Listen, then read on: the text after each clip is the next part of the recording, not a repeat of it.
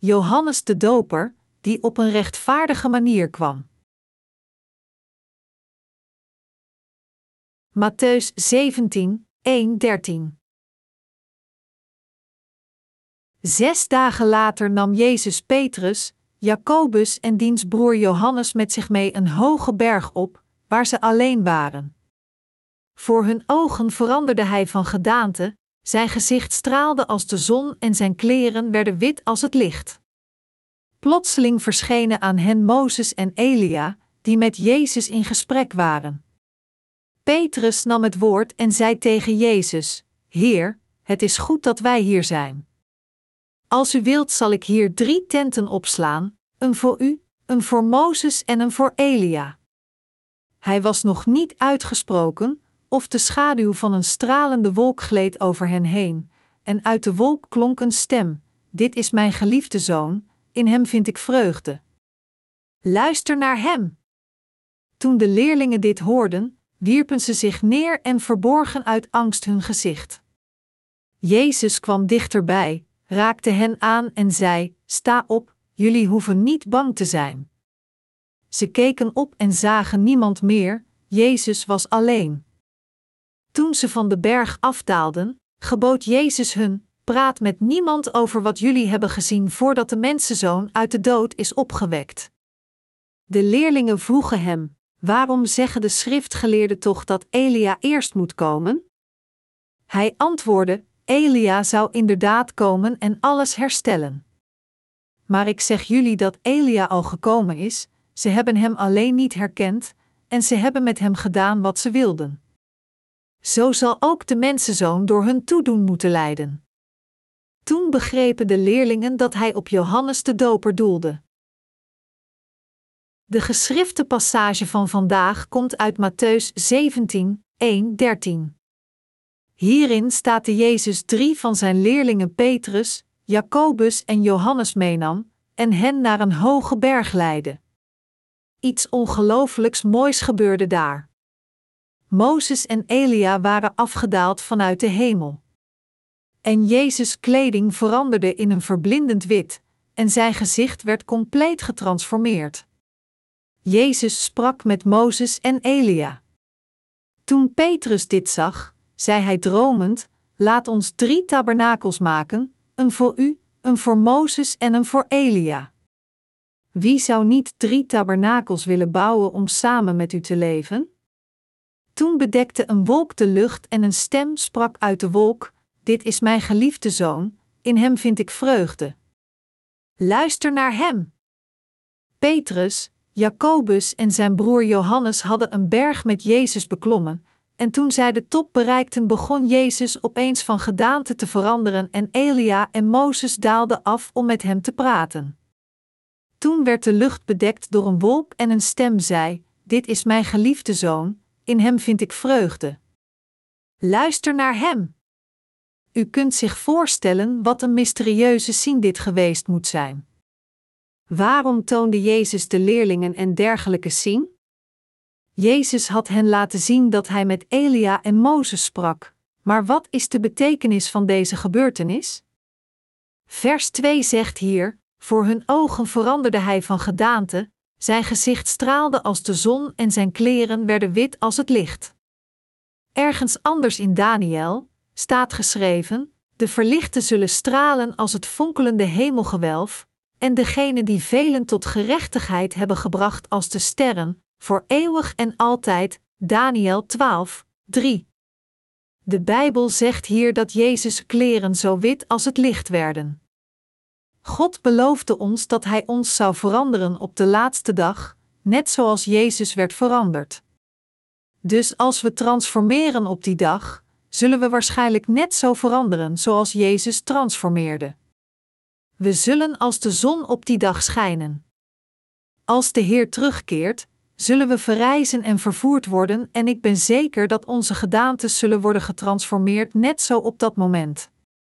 Dit is waarom Jezus zijn leerlingen mee naar de berg had genomen om hen deze dingen te laten zien. Na het tonen van deze dingen aan zijn leerlingen op de berg, sprak Jezus tegen hen op de weg naar onderen van de berg. Zoals geschreven staat in vers 9: toen ze van de berg afdaalden, gebood Jezus hun: Praat met niemand over wat jullie hebben gezien voordat de mensenzoon uit de dood is opgewekt. De leerlingen vroegen toen aan Jezus: Waarom zeggen de schriftgeleerden toch dat Elia eerst moet komen? De verder gaat verder met te zeggen: Elia zou inderdaad komen en alles herstellen. Maar ik zeg jullie dat Elia al gekomen is, ze hebben hem alleen niet herkend, en ze hebben met hem gedaan wat ze wilden. Zo zal ook de mensenzoon door hun toedoen moeten lijden. De leerlingen vroegen zich in hun verstand af: Heer, alles in de geschriften wordt volbracht met uw doopsel, kruisiging en verrijzenis. Waarom zeggen de schriftgeleerden dan dat Elia als eerste moet komen? De geschriften werden lang geleden geschreven, en de schriftgeleerden van de vrijmetselarij beweerden: voor onze Heer om de voorspellingen van het Oude Testament te kunnen vervullen, moet Elia als eerste komen. Zij hadden bepleit dat alleen als Elia kwam de zaligmaking van de mensheid zou worden vervuld en dat alles wat God had beloofd zou worden hersteld. De herstelling van alle dingen verwijst naar het feit dat door de Verlosser te sturen, God de afstammelingen van Adam zou bevrijden, die werden verdreven uit het Hof van Eden door hun zonden, en hen dus weer opnieuw zijn kinderen zou maken. Met andere woorden, de leerlingen zeiden tegen Jezus: De schriftgeleerden zeggen dat Elia als eerste moet komen voordat deze zaligmaking kan worden vervuld, zodat alles waar u over sprak compleet hersteld kan worden, zodat het Hof van Eden hersteld kan worden, en zodat wij van al onze zonden gered worden en opnieuw Gods kinderen kunnen worden. Wie is deze Elia? Jezus antwoordde hen door te zeggen: Maar ik zeg jullie dat Elia al gekomen is, ze hebben hem alleen niet herkend, en ze hebben met hem gedaan wat ze wilden. Met andere woorden, God had Elia reeds gestuurd, maar de mensen hadden niet in hem op zichzelf geloofd. Jezus zei verder: Zo zal ook de mensenzoon door hun toedoen moeten lijden, te kennen geven dat net als Johannes de Doper veel op deze aarde had geleden, Jezus ook zou lijden. Toen zijn leerlingen dit hoorden, realiseerden zij zich: Oh, dus Johannes de Doper is Elia. Vers 13 zegt: Toen begrepen de leerlingen dat hij op Johannes de Doper doelde. Johannes de Doper is de Elia die God beloofd had te sturen in het boek van Maleachi uit het Oude Testament. Laat ons kijken naar Maleachi. In het laatste hoofdstuk van het Oude Testament, net voor Matthäus, staat geschreven in Maleachi 3, 19, 21: Die dag zal zeker komen, brandend als een oven. Wie hoogmoedig zijn of wie zich goddeloos gedragen, zullen dan slechts stoppels zijn die door de hitte van die dag worden verschroeid, zegt de Heer van de hemelse machten. Geen wortel of tak zal er van hen overblijven. Maar voor jullie die ontzag voor mijn naam hebben, zal de zon stralend opgaan, de zond die gerechtigheid brengt en genezing in haar vleugels draagt. Huppelend als kalveren die op stal hebben gestaan, zullen jullie naar buiten komen. Dan vertrappen jullie de wettelozen, op de dag die ik voorbereid, zullen zij niet meer zijn dan stof onder jullie voeten, zegt de Heer van de hemelse machten. Hij gaat verder met te zeggen in Maleachi 3, 22-24: Houd je aan het onderricht van Mozes, mijn dienaar, aan wie ik op de Horeb regels en wetten heb gegeven die gelden voor heel Israël. Voordat de dag van de Heer aanbreekt, die groot is en ontzagwekkend, stuur ik jullie de profeet Elia, en hij zal ervoor zorgen dat ouders zich verzoenen met hun kinderen en kinderen zich verzoenen met hun ouders. Anders zou ik het land volledig moeten vernietigen. God had beloofd dat hij zijn dienaar de profeet Elia zou sturen voordat hij zelf naar deze wereld zou komen. Hij zei dat Elia ervoor zou zorgen dat de harten van de vaders zich zouden verzoenen met hun kinderen, en de harten van de kinderen zich zouden verzoenen met hun vaders. Dit is precies wat de hoge priester moet doen. Het is de plicht van de hoge priester Gods hart te veranderen door offers aan hem te geven. Gods woede wordt veroorzaakt als zijn mensen zonde plegen voor hem, en het is de taak van de hoge priester dit woedende hart van God te veranderen in een genadig hart. Met andere woorden, Het is de hoge priester die zijn rol als bemiddelaar vervult om Gods hart te veranderen om genade te hebben met deze mensen. Het is ook zijn plicht de harten van de mensen die God hebben verlaten terug te laten keren naar Hem. Dit zijn de plichten van de hoge priester die namens zijn volk offers geeft aan God. God had gezegd dat hij de profeet Elia zou sturen, en Elia moest deze plichten vervullen door naar deze aarde te komen. Wanneer zou hij dan komen? God beloofde dat hij hem zou sturen als het oordeel op handen was, zoals er staat geschreven: anders zou ik het land volledig moeten vernietigen. Elia moest komen om zijn rol als bemiddelaar te vervullen en om de harten van de mensen terug te laten keren naar God en Gods hart naar hen. Maar de Bijbel zegt ook dat als de mensen niet luisteren naar de woorden van de Elia die komen zou, faalden hun harten terug te laten keren naar God, en niet in hem geloofden, dan zou God komen en deze aarde vernietigen. Hij zou hen wegvegen en hen in de brandende oven gooien. Jezus stond oog in oog met Mozes en Elia in de geschrifte passage die we vandaag gelezen hebben. Hij ontmoette hen op een hoge berg en sprak met hen. Deze gebeurtenis is zeer belangrijk voor onze zaligmaking. Mozes is de vertegenwoordiger van de wet. Na de ontvangst van de wet van God ontving Mozes ook het offersysteem van de tabernakel, waardoor zijn volk in staat was de vergeving van zonde van God te verkrijgen. God had persoonlijk met Mozes gesproken. Dus de vijf mozaïekboeken, de Pentateuch, zijn absoluut gezaghebbend.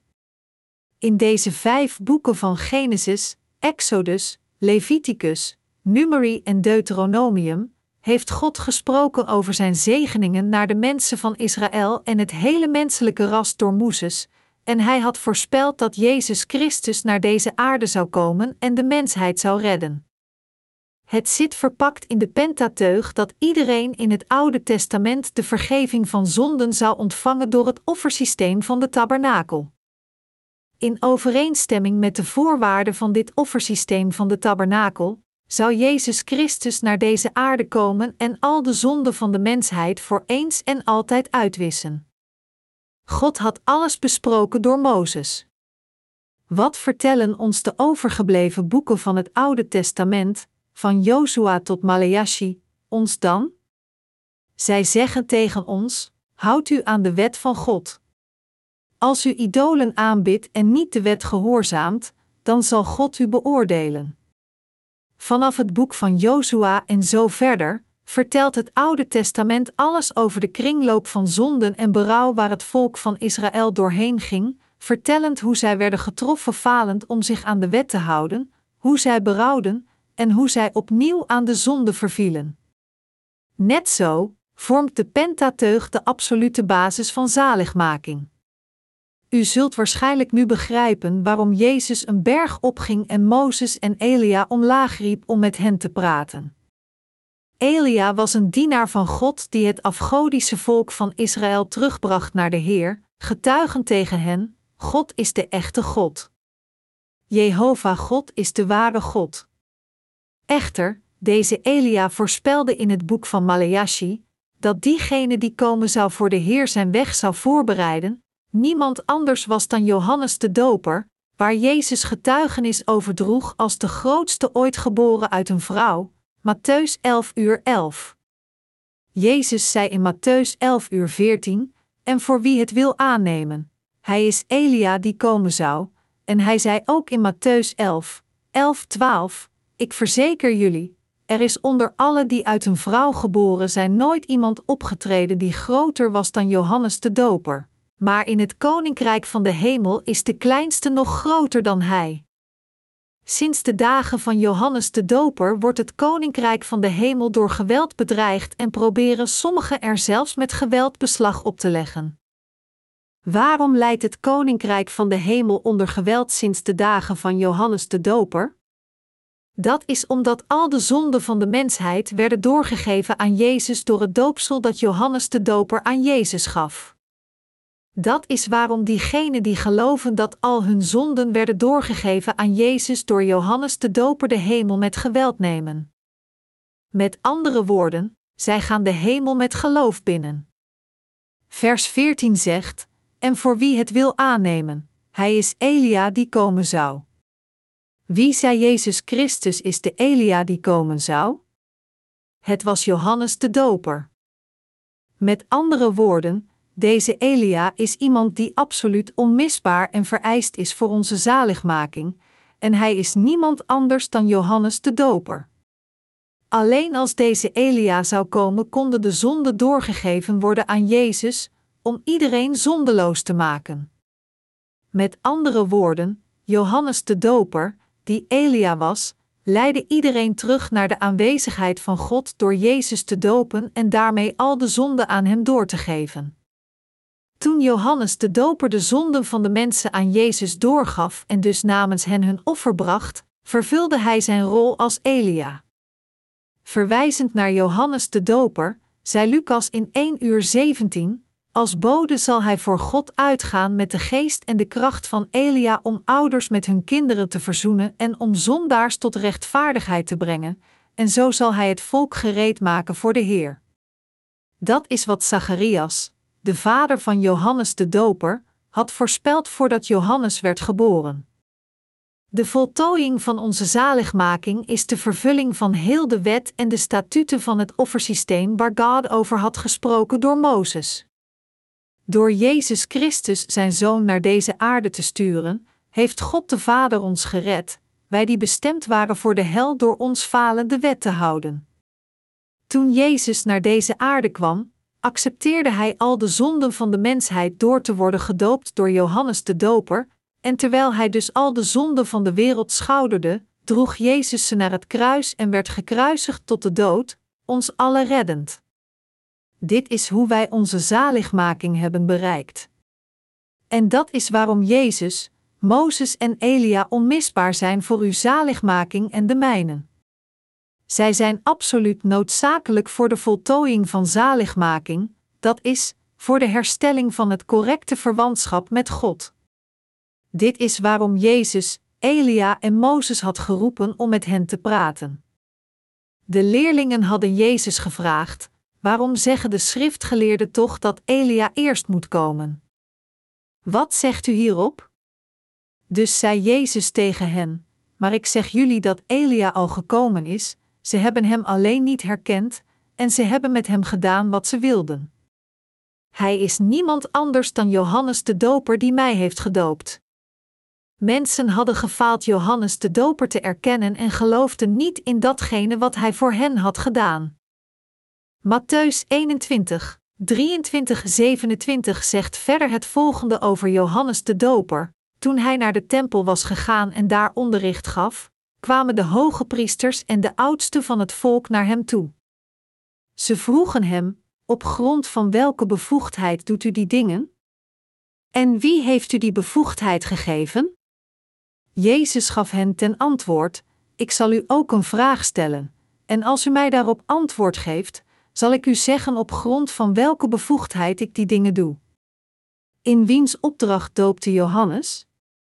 Kwam die opdracht van de hemel of van mensen? Ze overlegden met elkaar en zeiden: Als we zeggen van de hemel, dan zal hij tegen ons zeggen: Waarom hebt u hem dan niet geloofd?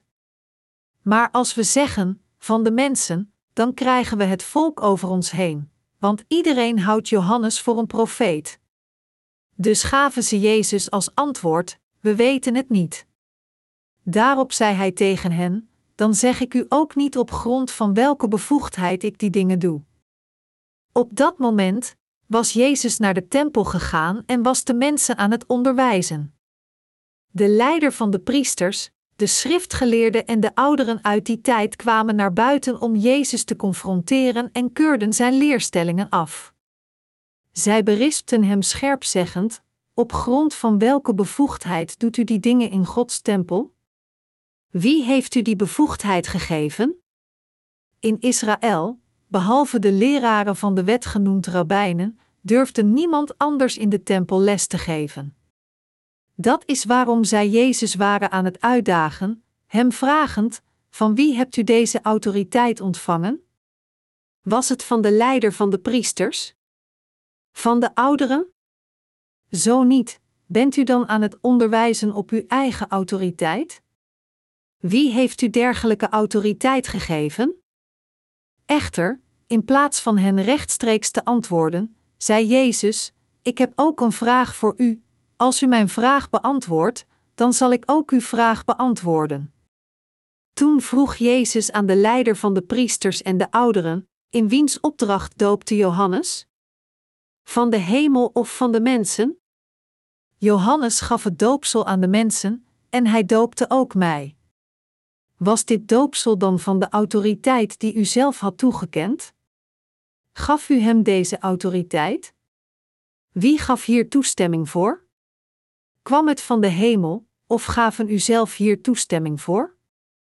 De schriftgeleerden wisten dat als zij zouden antwoorden: Het is van de hemel, Jezus dan zou zeggen: Waarom geloofde u dan niet in de werken van Johannes de Doper? Aan de andere kant, als zij zouden zeggen: Het is van de mensen, dan zou dat gelijk staan aan de ontkenning dat Johannes de Doper een dienaar was van God, zodat het volk hen zou stenigen. Dus door hun angst zeiden zij: We weten het niet. Zij antwoorden zo omdat het volk van Israël op dat moment wist en geloofde dat Johannes een dienaar van God was. Dus zei Jezus tegen de schriftgeleerden: Dan is het ook niet noodzakelijk voor mij om u te vertellen met welke autoriteit ik spreek tot de mensen. Jezus gebruikte toen een ander voorbeeld, zeggend: Wat denkt u van het volgende? Iemand had twee zonen. Hij zei tegen de een: Jongen, ga vandaag in de wijngaard aan het werk. De zoon antwoordde: Ik wil niet, maar later bedacht hij zich en ging alsnog. Tegen de ander zei de man precies hetzelfde. Die antwoordde: Ja, vader, maar ging niet. Wie van de twee heeft nu de wil van zijn vader gedaan? Ze zeiden: De eerste. Matthäus 21, 28, 31. Jezus berispte hen door te zeggen: Ik verzeker u, de tollenaars en de hoeren zijn u voorbij het binnengaan van het koninkrijk van God. Want Johannes koos de weg van de gerechtigheid toen hij naar u toe kwam. U geloofde hem niet, de tollenaars en de hoeren wel. En ook al zag u dat, u hebt u niet willen bedenken en hem alsnog willen geloven. Matthäus 21, 31, 32.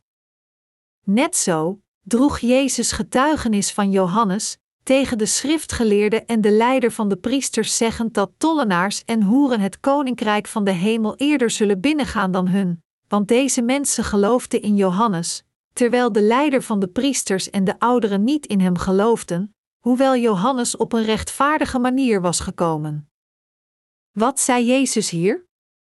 Hij zei: Johannes kwam naar u op de rechtvaardige manier. Dit betekent dat Johannes de Doper kwam voor het rechtvaardige werk dat de mensheid zou rechtvaardigen. Hij werd naar deze aarde gestuurd voor het werk dat het voor de mensheid mogelijk zou maken de vergeving van hun zonden te ontvangen, en hij vervulde dit werk door de mensen en Jezus te dopen. Maar ondanks dit, geloofden de Joodse leiders van dat moment niet dat God de Vader Johannes de Doper had gestuurd om dit werk van het uitwissen van zonden te vervullen, nog geloofden zij in zijn doopsel. Dat is waarom Jezus hen berispte. Bovendien vertelde Jezus hen ook: zelfs tollenaars en hoeren zullen het koninkrijk van de hemel eerder binnengaan dan u. De tollenaars en de hoeren geloofden wil in Johannes. Zij geloofden dat Johannes de Doper een dienaar was van God, en door Jezus te dopen, gaf hij al de zonden van de mensen door en weest hen allemaal weg. Wat is de betekenis van Johannes doopsel? Het woord doopsel betekent te worden gewassen. Zoals het Oude Testament opleggen van handen, houdt het doopsel in dat iemand zijn handen op een ander persoon legt en hem onderdompelt in het water. Als de handen worden gelegd, worden zonden doorgegeven. Deze institutie is gevestigd door God en dus doeltreffend voor iedereen. Als u een demonbezeten persoon de handen op uw hoofd laat leggen, zal zijn demon doorgegeven worden aan u. Als iemand probeert in tongen te spreken, en een ander persoon die in tongen spreekt omdat hij bezeten is door een demon zijn handen op het hoofd van die persoon zou leggen en zou bidden, dan zal de demon doorgegeven worden aan die persoon en diegene die het opleggen van handen heeft ontvangen zal ook beginnen te spreken in tongen door de demon bezetene. Als iemand luistert naar de preken gepredikt door een demonbezeten persoon, bestaat een grote kans dat hij ook in tongen gaat spreken. Dergelijke mensen gooien zichzelf opeens in een aanval, opgewonden in tongen sprekend, rollend over de grond, allerhande lawaai producerend. Dat is omdat demonen bezit van hen hebben genomen. Ondertussen hebben de slechte geesten die iemand anders hadden bezeten en hen ook binnengevallen.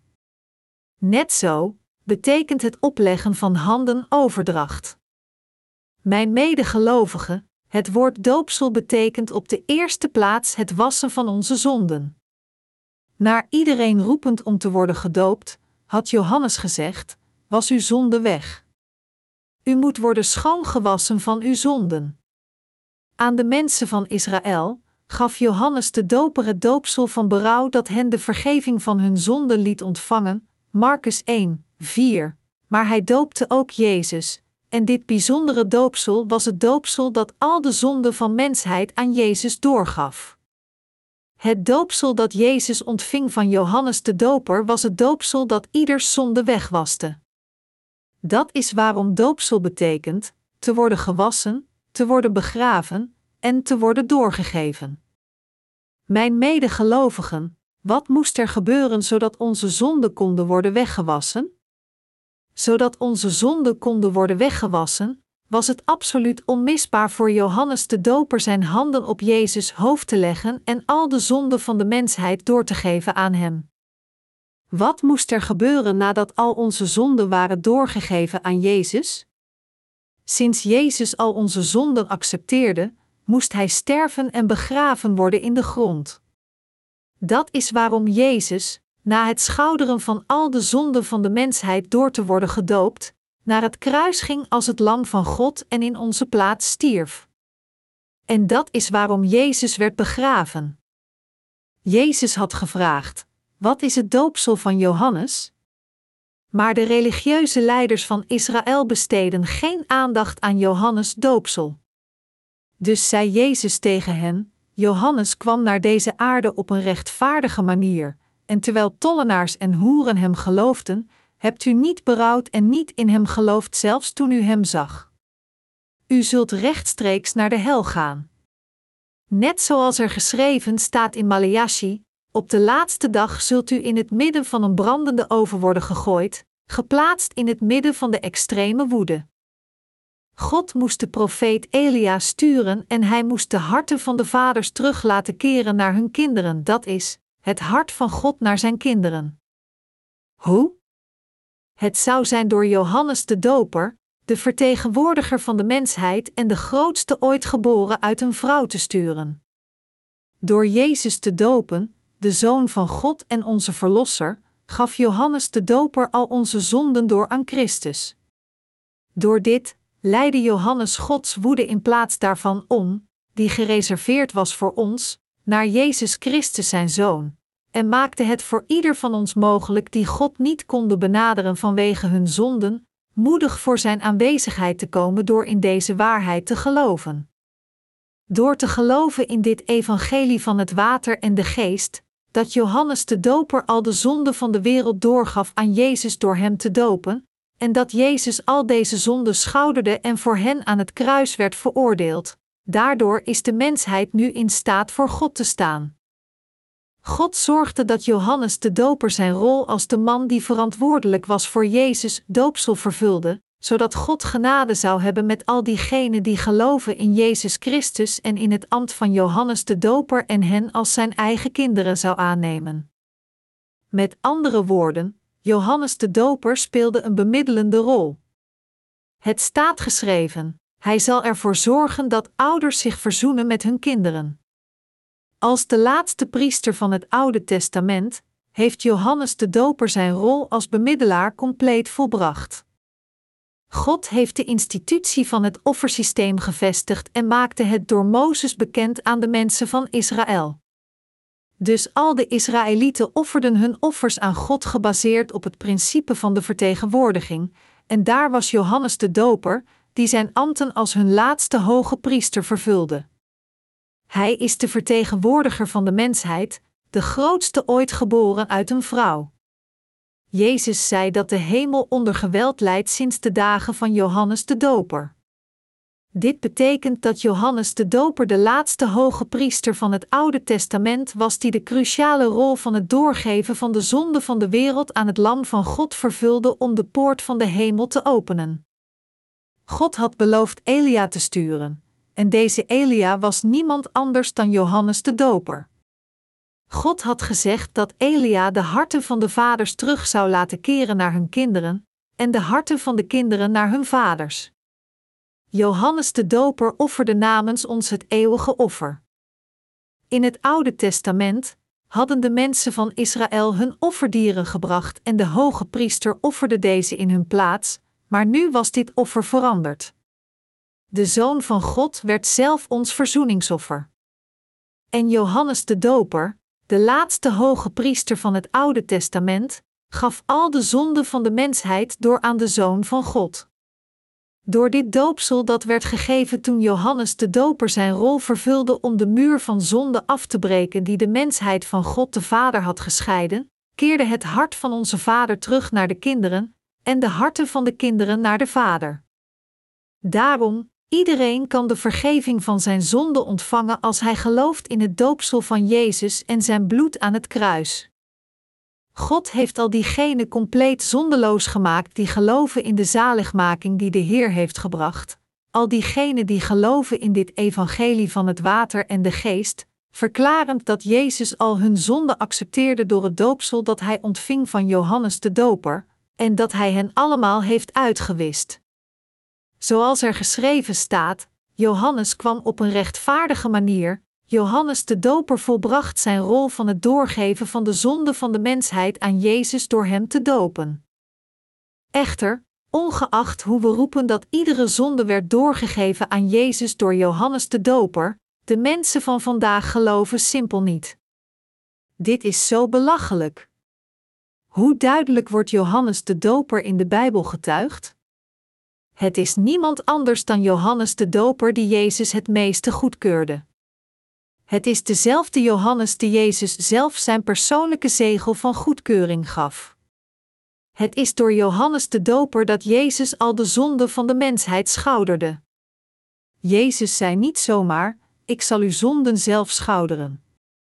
Net zoals de zonden van de Israëlieten in het Oude Testament werden doorgegeven aan hun offerdier door de hoge priester, zo kwam Jezus naar deze aarde als het Lam van God als ons eigen offer. Hij accepteerde al de zonden van de wereld door het doopsel gegeven door Johannes de Doper. Dit is zo kristalhelder. Toch, ondanks dit, geloven de mensen er nog steeds niet in. Toen Jezus op deze aarde was, de religieuze leiders van dat moment, de schriftgeleerden van de wet en de ouderen van de Israëlieten weigerden niet alleen te geloven in Jezus, maar zij geloofden ook niet in wat Johannes had gedaan voor hen. Zij stonden tegen het ambt van Johannes de Doper. Dit is waarom Jezus tegen hen zei: U zult in de hel worden gegooid, want u bent zo vol van uw eigen rechtvaardigheid en u gelooft niet in het getuigenis van Johannes. Maar hoeren en tollenaars geloofden wel. Met andere woorden, hoeren en tollenaars waren eerder gered door God omdat zij geloofden in het evangelie van het water en de geest. Zelfs vandaag geloven de meeste christenen nog steeds niet in dit evangelie. Toen Jezus op deze aarde was, kwamen de Fariseërs en de schriftgeleerden van Jeruzalem om hem te zien en vroegen hem: Waarom houden uw leerlingen zich niet aan de tradities van onze ouderen? Waarom eten zij zonder als eerste hun handen te wassen? Zij veroordeelden de leerlingen alleen omdat zij aten zonder hun handen te wassen. Zij bespotten Jezus, door te zeggen: gewoon door naar uw leerlingen te kijken, kunnen we zien dat u ook een foute man bent. U bent ook een man die zich niet aan de wet houdt. U bent compleet onder onze waarde. Dus berispte hen door te zeggen: wat in de mond gaat is niet dat wat een mens bevuilt. Het is de slechtheid komend uit het hart dat hen bevuilt. Uit het menselijk hart komen de twaalf zonden inclusief de slechte gedachten voort, en het is dit dat uit de mond van de mens komt dat hem bevuilt. Omdat iemand eet zonder zijn handen te wassen, betekent niet dat hij is bevuild. De schriftgeleerden en de fariseërs, die zich aan de tradities van de ouderen hielden, bespotten Jezus zeggend: U en uw leerlingen zijn compleet slecht. U bent zo smerig dat wij niets met u te maken willen hebben. Hoe kan iemand eten zonder zijn handen te wassen? De traditie van onze voorvaderen zegt duidelijk dat iedereen stevast zijn handen en voeten moet wassen wanneer hij van buiten terugkeert, en het siert ons deze traditie te houden, maar u weigert erna te leven. Zij beschuldigden Jezus openlijk gebaseerd op oppervlakkige dingen. Dus Jezus berispte hen door te zeggen: En u beweert zich aan de wet te houden? De wet gebood u uw ouders te eren en voor hen te zorgen, maar hebt u dat echt gedaan? Brak u feitelijk niet de wet, denkend dat u niet hoeft te offeren aan uw ouders door simpel te zeggen: Welke winst u ook van mij ontvangen heeft, is korban, dat is een geschenk van God? Hebt u niet Gods geboden veranderd in de geboden van de mens, en gelooft u niet nu in hen?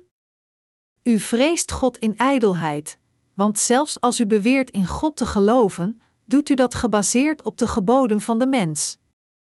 Jezus zei toen: Dus als een blinde man een andere blinde man leidt, vallen ze beiden in een put. Deze traditie van de ouderen verwijst naar de mensgemaakte doctrines. Zelfs vandaag zeggen veel christenen: zorg ervoor dat u een grote kerk bijwoont. Verzekert u ervan dat de kerk die u wilt gaan bijwonen geregistreerd is bij het ministerie van Cultuur en Toerisme. En zorg ervoor dat u een kerk bijwoont wiens leerstellingen duidelijk gevestigd zijn. Kortom, u moet een kerk bijwonen die behoort tot een grote gemeenschap en ook erkend wordt door wereldlijke mensen. U zult onderwezen worden in een dergelijke kerk en geloven volgens het woord zoals u onderwezen is. Het is totaal nutteloos zo in God te geloven en Hem te vrezen gebaseerd op dergelijke geboden van de mens. Ongeacht wie wat leert, kan het vergeleken worden met een enkele zin die God sprak?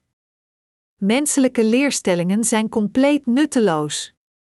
Maar de christelijke leiders gaan door een lange lijst van litanie wie wat zij zeggen tegen hun congregatie. Calvin zei dit, Luther zei dat, Livingston zei dit, Abraham Kuyper zei dat, Hegel en Kant zeiden dit, terwijl Confucius, Mencius en Socrates zeiden dat.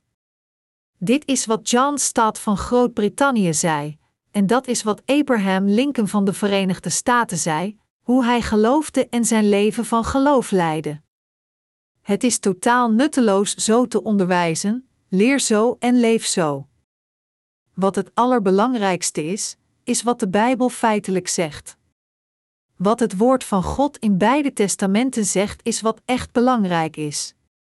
Jezus zei dat Johannes de Doper de Elia was die komen zou, en dat hij de grootste was ooit geboren uit een vrouw. Toen God zelf zei dat Johannes de Doper al onze zonden aan Jezus doorgaf door hem te dopen, en dat dit is wat het offersysteem inhoudt, dan moeten we ook zo geloven en zo onderwijzen. Dit wordt ermee bedoeld door te luisteren en te geloven in de geboden van God en zijn woord, en het is door te geloven in dit woord van God dat we gered zijn. Het is absoluut noodzakelijk voor ons goed naar God te luisteren volgens dit woord.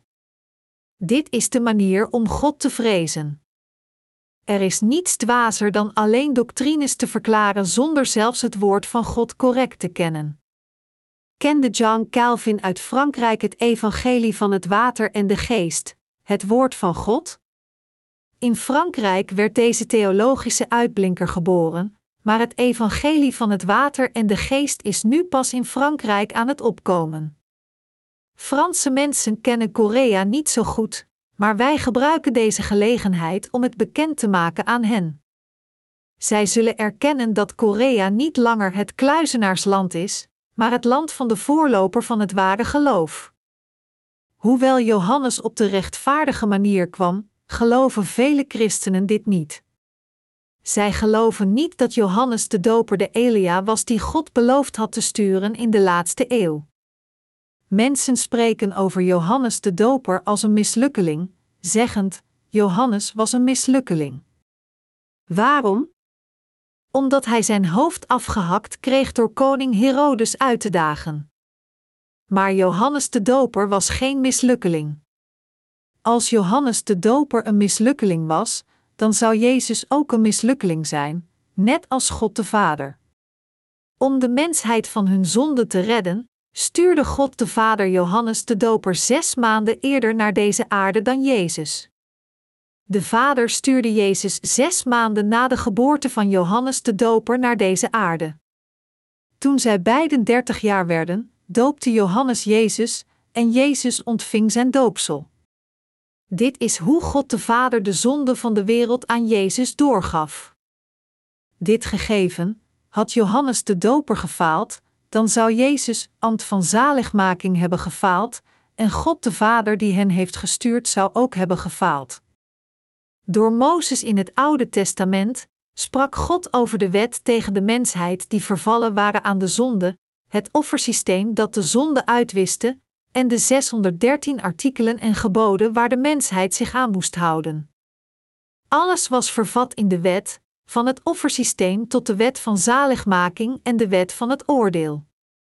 God had beloofd Elia te sturen. En net zoals hij beloofd had, stuurde hij Elia. Zes maanden nadat hij Elia stuurde, stuurde God Jezus naar deze aarde. En door Elia gaf hij al de zonden van de mensheid door aan Jezus. Jezus accepteerde al de zonden van de mensheid door Elia. Elia gaf de zonden van de mensheid door aan Jezus. Jezus zei: Laat het nu maar gebeuren, want het is goed dat we op deze manier Gods gerechtigheid vervullen. Het is correct om iedereen zondeloos te maken, al de mensen van deze wereld van hun zonden te redden.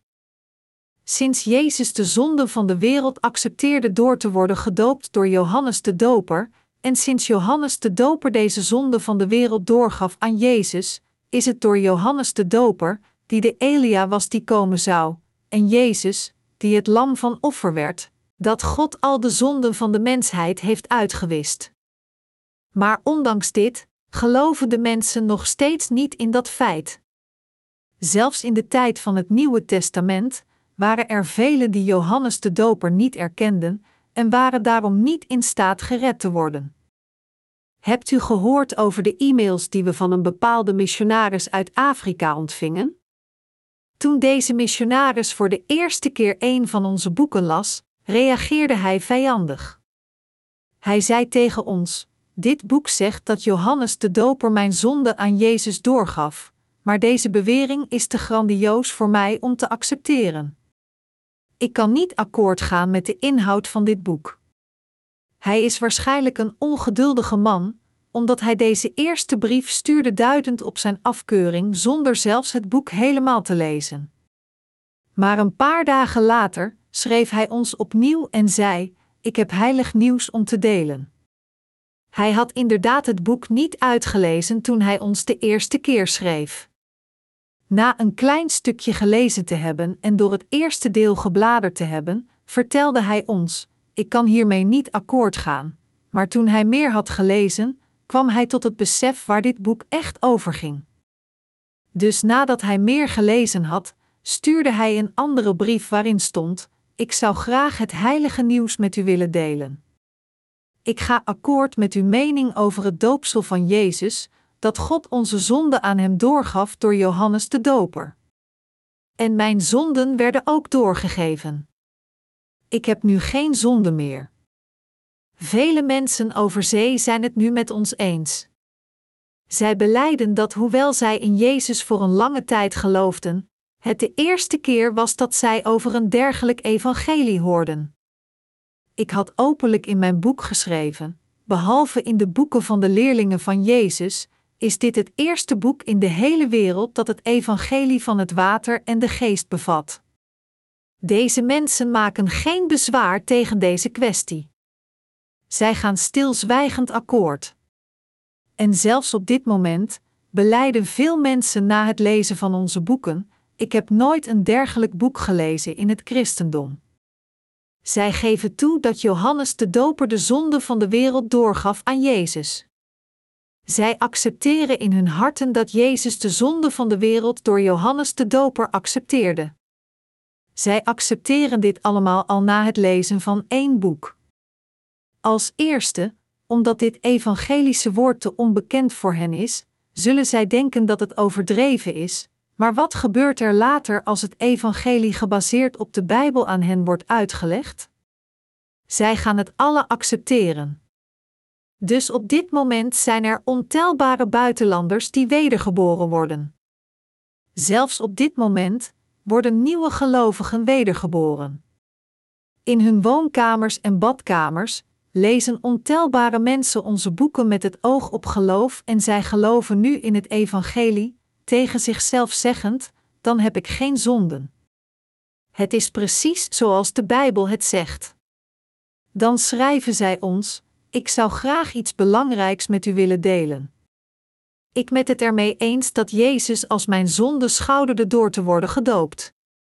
De hele mensheid gaat ermee akkoord dat Jezus onze zonde naar het kruis droeg en werd gekruisigd. Zelfs de duivel gaat ermee akkoord.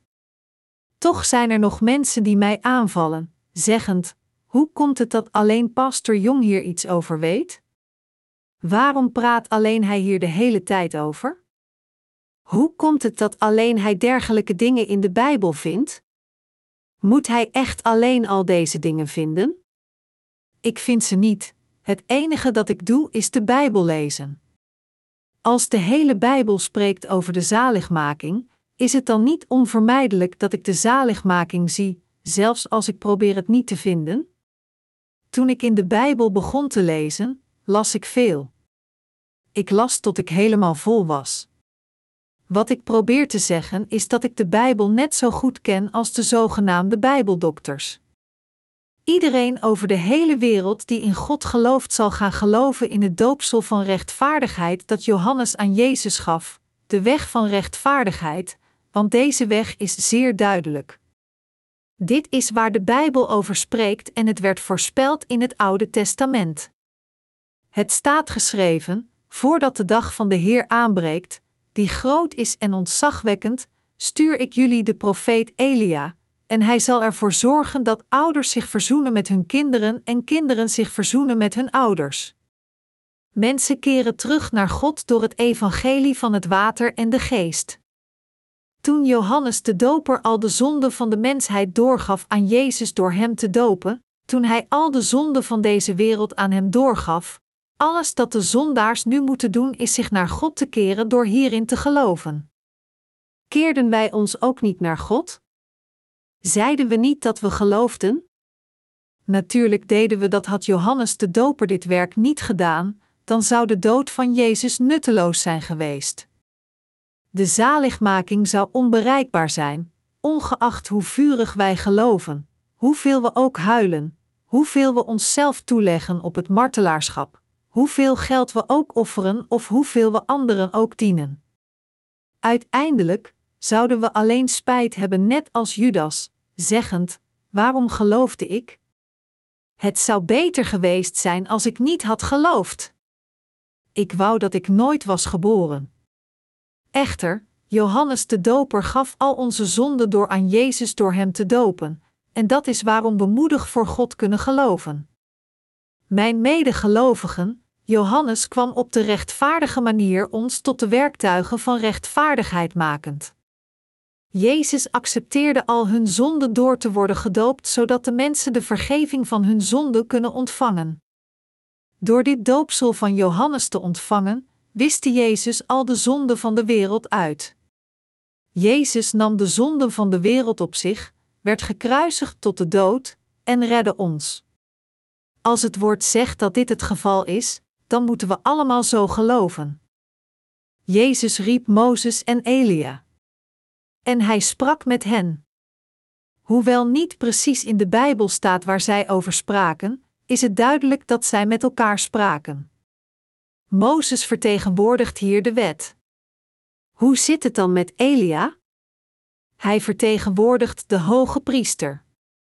Hij is de grootste priester van al diegenen ooit geboren uit een vrouw, dat is, hij is de vertegenwoordiger. De Bijbel spreekt vaak over de aarde. De aarde verwijst naar de harten van de mensen. Het verwijst naar hun zielen. Wat zegt het laatste vers van Maleachi? Het zegt: Anders zou ik het land volledig moeten vernietigen. Dit betekent dat God zijn woede zal uitgieten op al diegenen die niet geloven in de waarheid van zaligmaking. U vraagt zich af waarom ik dit opnieuw zeg terwijl u allemaal al gelooft. Maar ik zeg dit opnieuw omdat er nog steeds velen zijn die niet geloven. Alles is niet voorbij omdat u de vergeving van zonde hebt ontvangen, er zijn nog steeds veel te veel zielen die we als onze verantwoordelijkheid moeten zien. De hele mensheid moet hierin gaan geloven. Er zijn veel mensen die kort geleden pas hierin zijn gaan geloven. Ik zal doorgaan met het publiceren van onze evangelische krant, ongeacht hoe hoog de prijs van papier ook mag stijgen. Ik weet zeker dat velen die per toeval onze krant tegenkomen het stukje bij beetje zullen lezen en samenkomen in onze kerk, zeggend: Wilt iemand hier me alstublieft leiden? Ik wil hier komen om te luisteren naar het woord. Ik had geen idee dat er een dergelijk woord in de Bijbel stond. Een tijd geleden bezochten onze heiligen uit de Dacienkerk een vrouw die een schoonheidssalon runde en gaven haar een krant. Nadat deze kamster klaar was met het lezen van onze krant, legde zij hem bovenop de koffietafel in haar salon. Een van haar klanten las onze krant terwijl ze zat te wachten, en ze zei tegen de kapster: Weet u waar deze kerk is? Kunt u me naar deze plaats brengen waar een dergelijk wonderbaarlijk woord wordt gepredikt?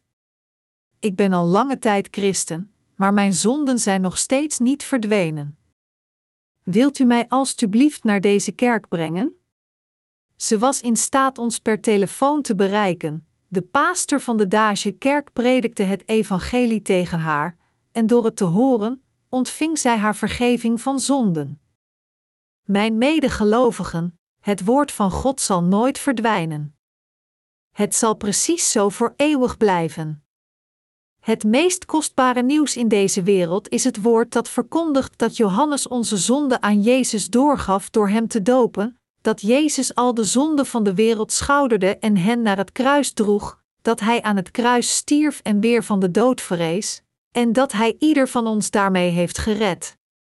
Dit is het prachtigste en vreugdevolle nieuws. Het heeft een wonderbaarlijke kracht zoals dynamiet, en het is als muziek die mooier is dan elk ander soort van muziek. Gelooft u hierin, mijn medegelovigen? Of vindt u het toevallig vervelend dat ik keer op keer dezelfde woorden herhaal? Mijn preken waren nog langer dan dit. Toen zij erg lang waren, duurden zij wel drie uur. Ik ben tegenwoordig zeer voorkomend. Als ik alles zou prediken waar ik over nadenk, dan zou ik drie tot vier uur moeten prediken. Dus vergeleken met het verleden, zijn mijn preken tegenwoordig zeer gematigd.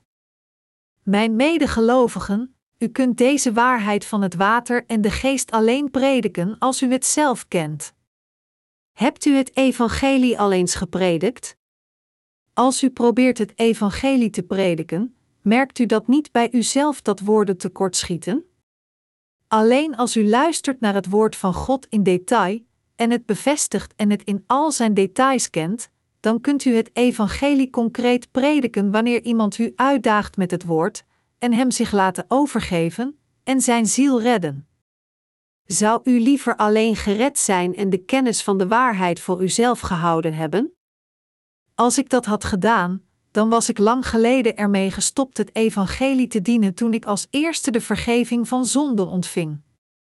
Als ik gestopt was met het dienen van het evangelie nadat ik het ontvangen had, dan zou ik nu waarschijnlijk de directeur van een groot gebedscentrum zijn geweest dat mijn pleegmoeder had geleid. Het is zeer waarschijnlijk dat iemand van u naar mijn gebedscentrum gekomen zou zijn om te bidden. Welkom, wat kan ik voor u doen? Ik ben gekomen om te bidden. Ga maar naar die kamer om te bidden, u kunt die kamer gebruiken. U zou dan uw ogen uithuilen in die kamer en uzelf zeer laten leiden proberend om te vasten. Mensen die een gebedscentrum bezoeken willen vaak dat de directeur zijn handen op hen legt. Diegenen die een gebedscentrum runnen vragen vaak veel geld voor het opleggen van hun handen. Zij verdienen bakken met geld. Maar als ik niets gezegd had in plaats van het evangelie te prediken, zouden we dan niet allemaal naar de hel gaan? Als ik dit werk niet had gedaan, dan zou God iemand anders gevonden hebben om het te doen, want Hij heeft de kracht om zelfs een steen in een afstammeling van Abraham te veranderen.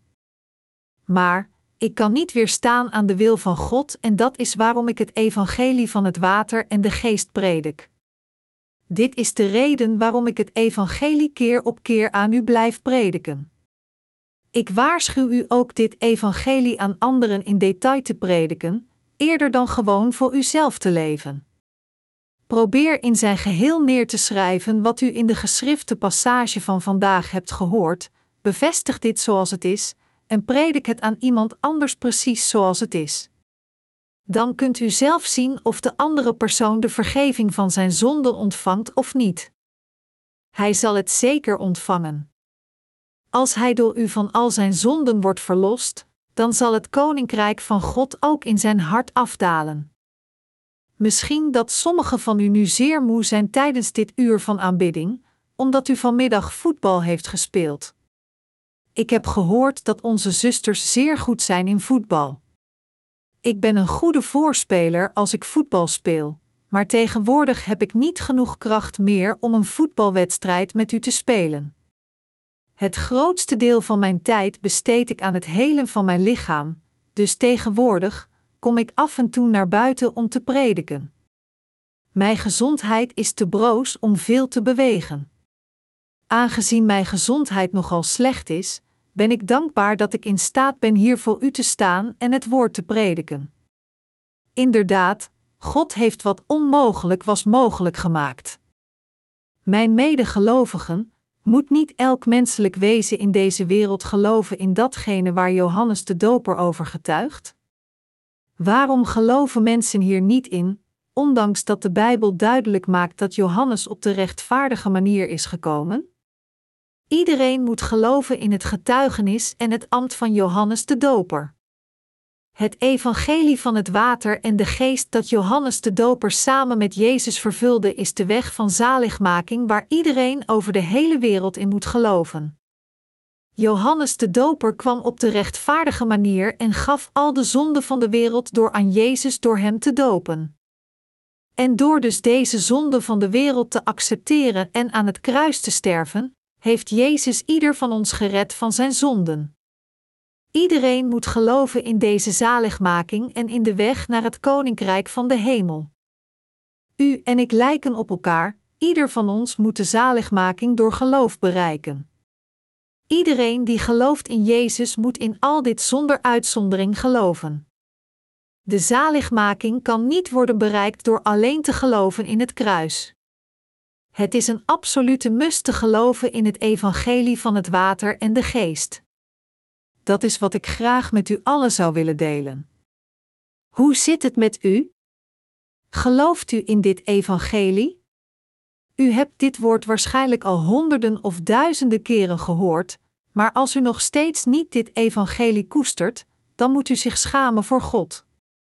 Als Jezus zelf dit evangelie van het water en de geest goedkeurt, hoe kunnen wij het dan niet koesteren? Mijn medegelovigen, ik vraag u alle dit evangelie te koesteren. U moet zich er trouw aan houden. En u moet erin geloven met heel uw hart,